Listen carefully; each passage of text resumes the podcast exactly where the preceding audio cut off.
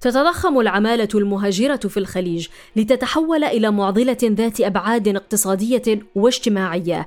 بين حاجات التنمية وارتفاع نسب البطالة المحلية يبدو المشهد أكثر تعقيدا من ظاهره، فبينما يرى المواطن الخليجي في ذلك إهدار لثروات بلاده وسحب بساط الفرص من أمامه، يرى القائمون على السياسات أن التنمية تحتاج إلى مزيد من العمال، وبينهما سوق سوداء تستغل الثغرات لإغراق السوق المحلية بمزيد من العمال غير المرخصين حول أبعاد هذه المشكلة وخلفياتها تداعياتها السياسية والاقتصادية والاجتماعية نستضيف في بودكاست ديوان المختص في شؤون العمل والعمال الأستاذ خليل بهزع أهلا بك خليل آه مرحبا وفاء خليل بلغة الأرقام ما حجم مشكلة العمالة المهاجرة في الخليج؟ ما هي أبعاد هذه المشكلة؟ وما هي خلفياتها أيضاً؟ طبعا بشكل عام يعني لا توجد هناك خلينا نقول إحصائيات دقيقة صادرة بشكل رسمي لتقدير حجم العمالة المهاجرة في منطقة الخليج. والمسألة تعود إلى سببين، السبب الأول في تضارب في الأرقام اللي تصدرها بعض الجهات في ذات الدولة وأيضا هناك في بعض الدول آه، لا تنشر أرقام بشكل مستمر. ولكن هناك تقديرات يعني على أفضل آه، أو على الأقل في في تقدير أنا عملت بشكل مخصص لهذا اللقاء إحنا نتكلم على لا يقل من 30 مليون و800 ألف عامل مهاجر في في منطقة الخليج هذه طبعا بنأخذ بالاعتبار الانخفاض النسبي اللي تم خلال السنة والنص اللي فاتت بسبب جائحة الكورونا واللي بشكل أكبر يعني أو بشكل أساسي أثرت على حجم الاعمال المهاجرة في منطقة الخليج.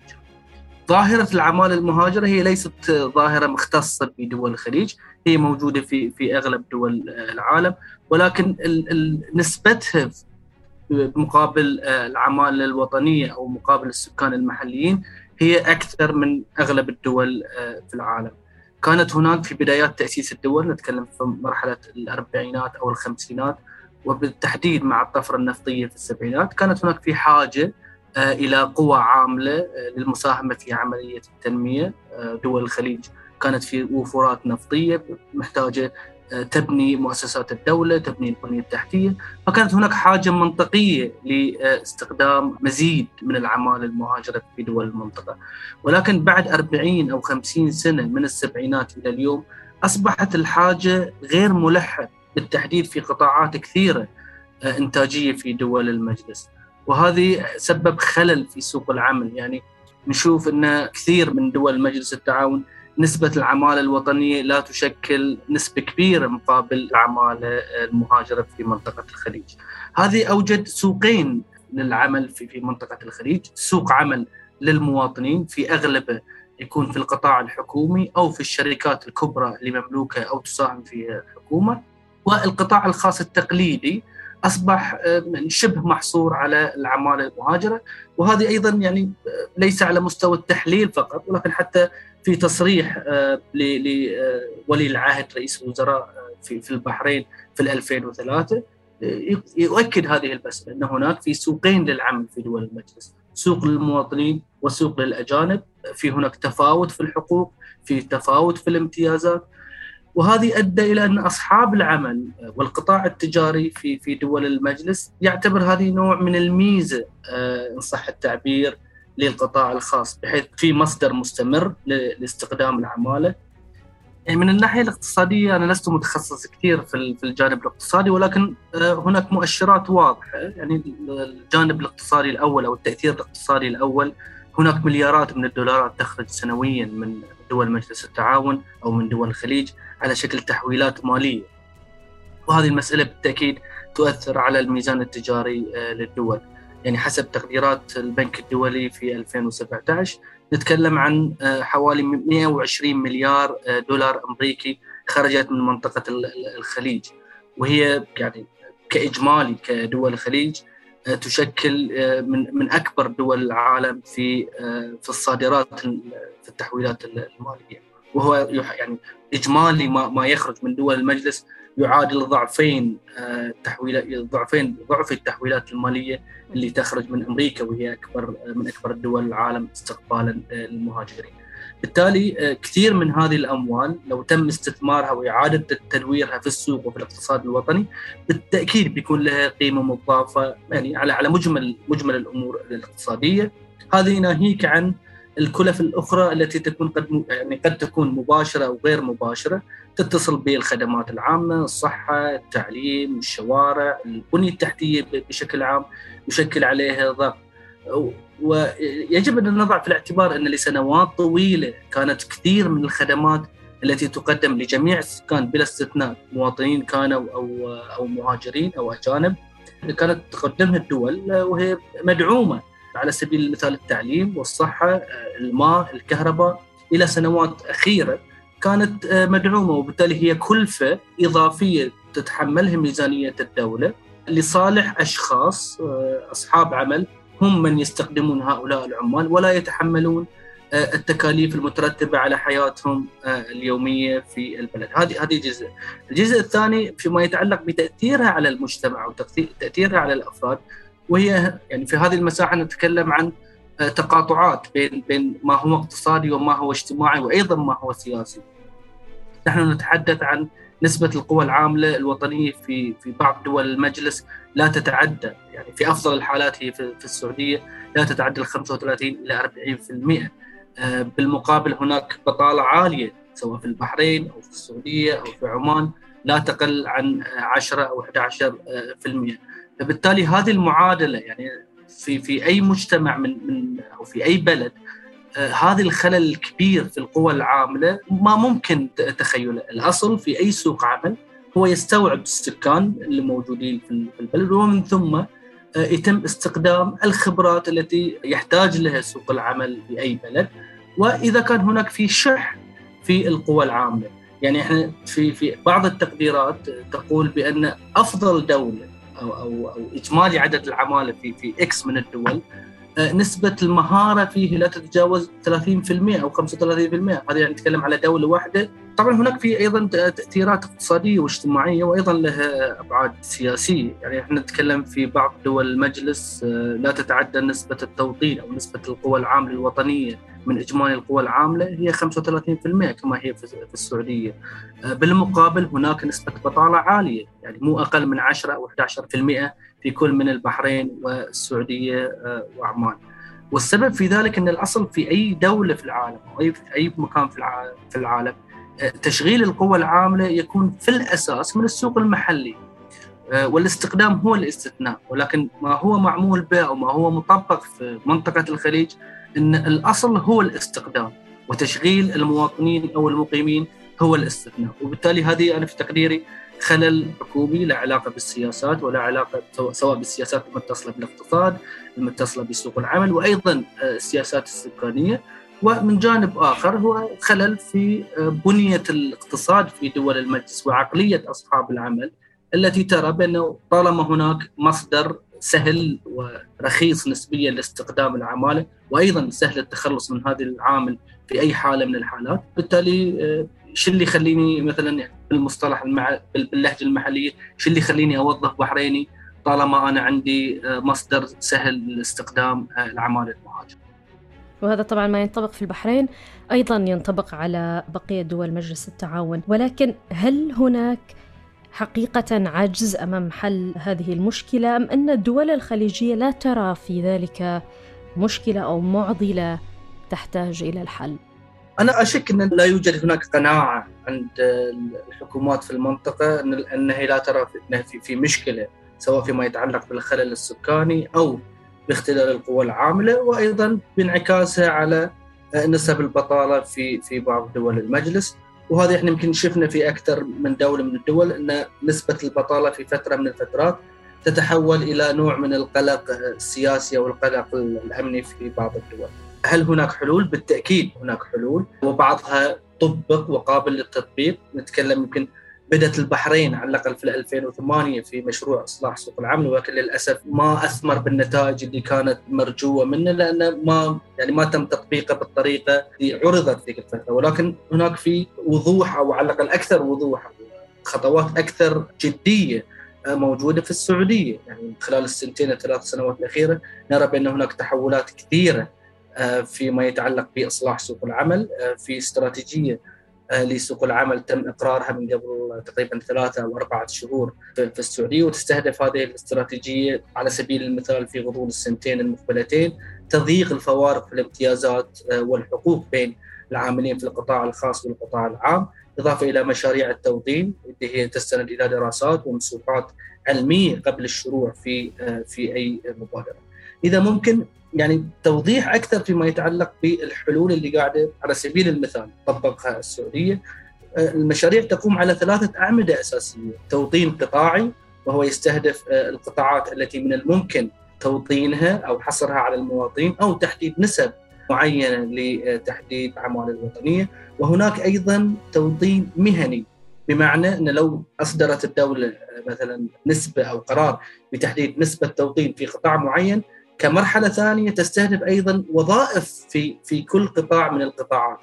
على على سبيل المثال لو فرضنا خلينا القطاع الصحي القطاع الصحي هناك في نماذج أو أنواع متعددة من من الوظائف ولكن أيضا يتم استهداف الوظائف على سبيل المثال الممرضين أو أطباء الأسنان أو الأطباء الباطنيين. ويتم تحديد هذه النسب بناء على السيرفي أو المسوحات التي تقوم بها الدولة بشكل مستمر. وأيضا التعرف على العاطلين عن العمل وتخصصاتهم وميولهم.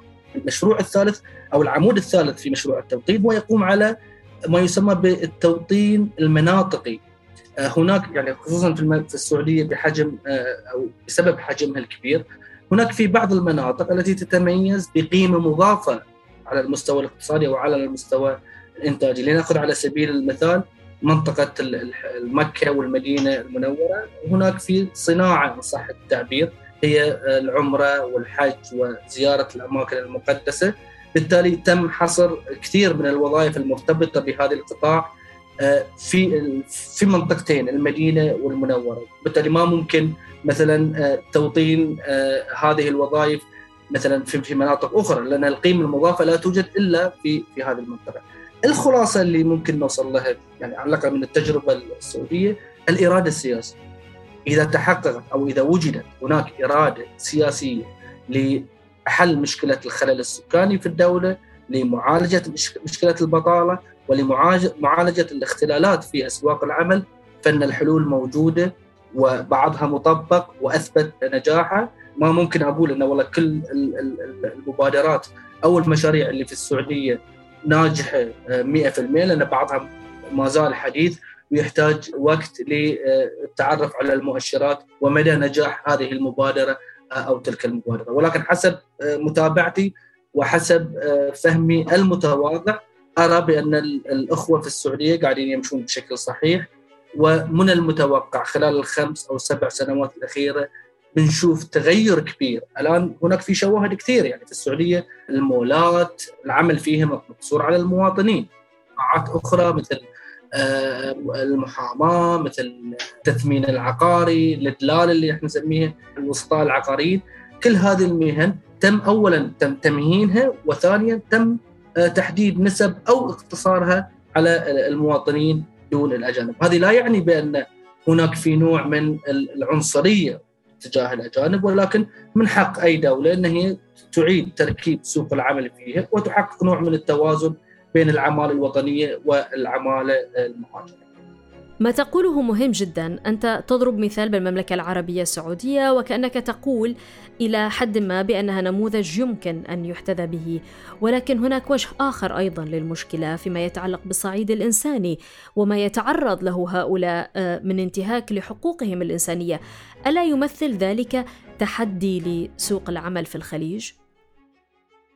بصورة عامة أنا في تقديري بأن السبب الأساسي لكل ما يتعرض للعمال المهاجرين سواء فيما يتعلق ببيئه وظروف العمل أو انتهاكات أخرى تصنفها بعض المنظمات الدولية بأن هي إشكال من العمل الجبري أو إشكال من العبودية الحديثة أو الإتجار بالبشر، أنا في تقديري هناك في ضعف أساسي في المنظومة القانونية في المنطقة. بمعنى بأن هناك في كثير من القوانين التي تحكم وتنظم عمل أو تواجد المهاجرين في في دول المنطقة في دول المنطقة وهذه القوانين إما في بعض الحالات تكون متضاربة أو لا تكمل بعضها البعض أو أن هناك في غياب لتنظيم مسألة معينة.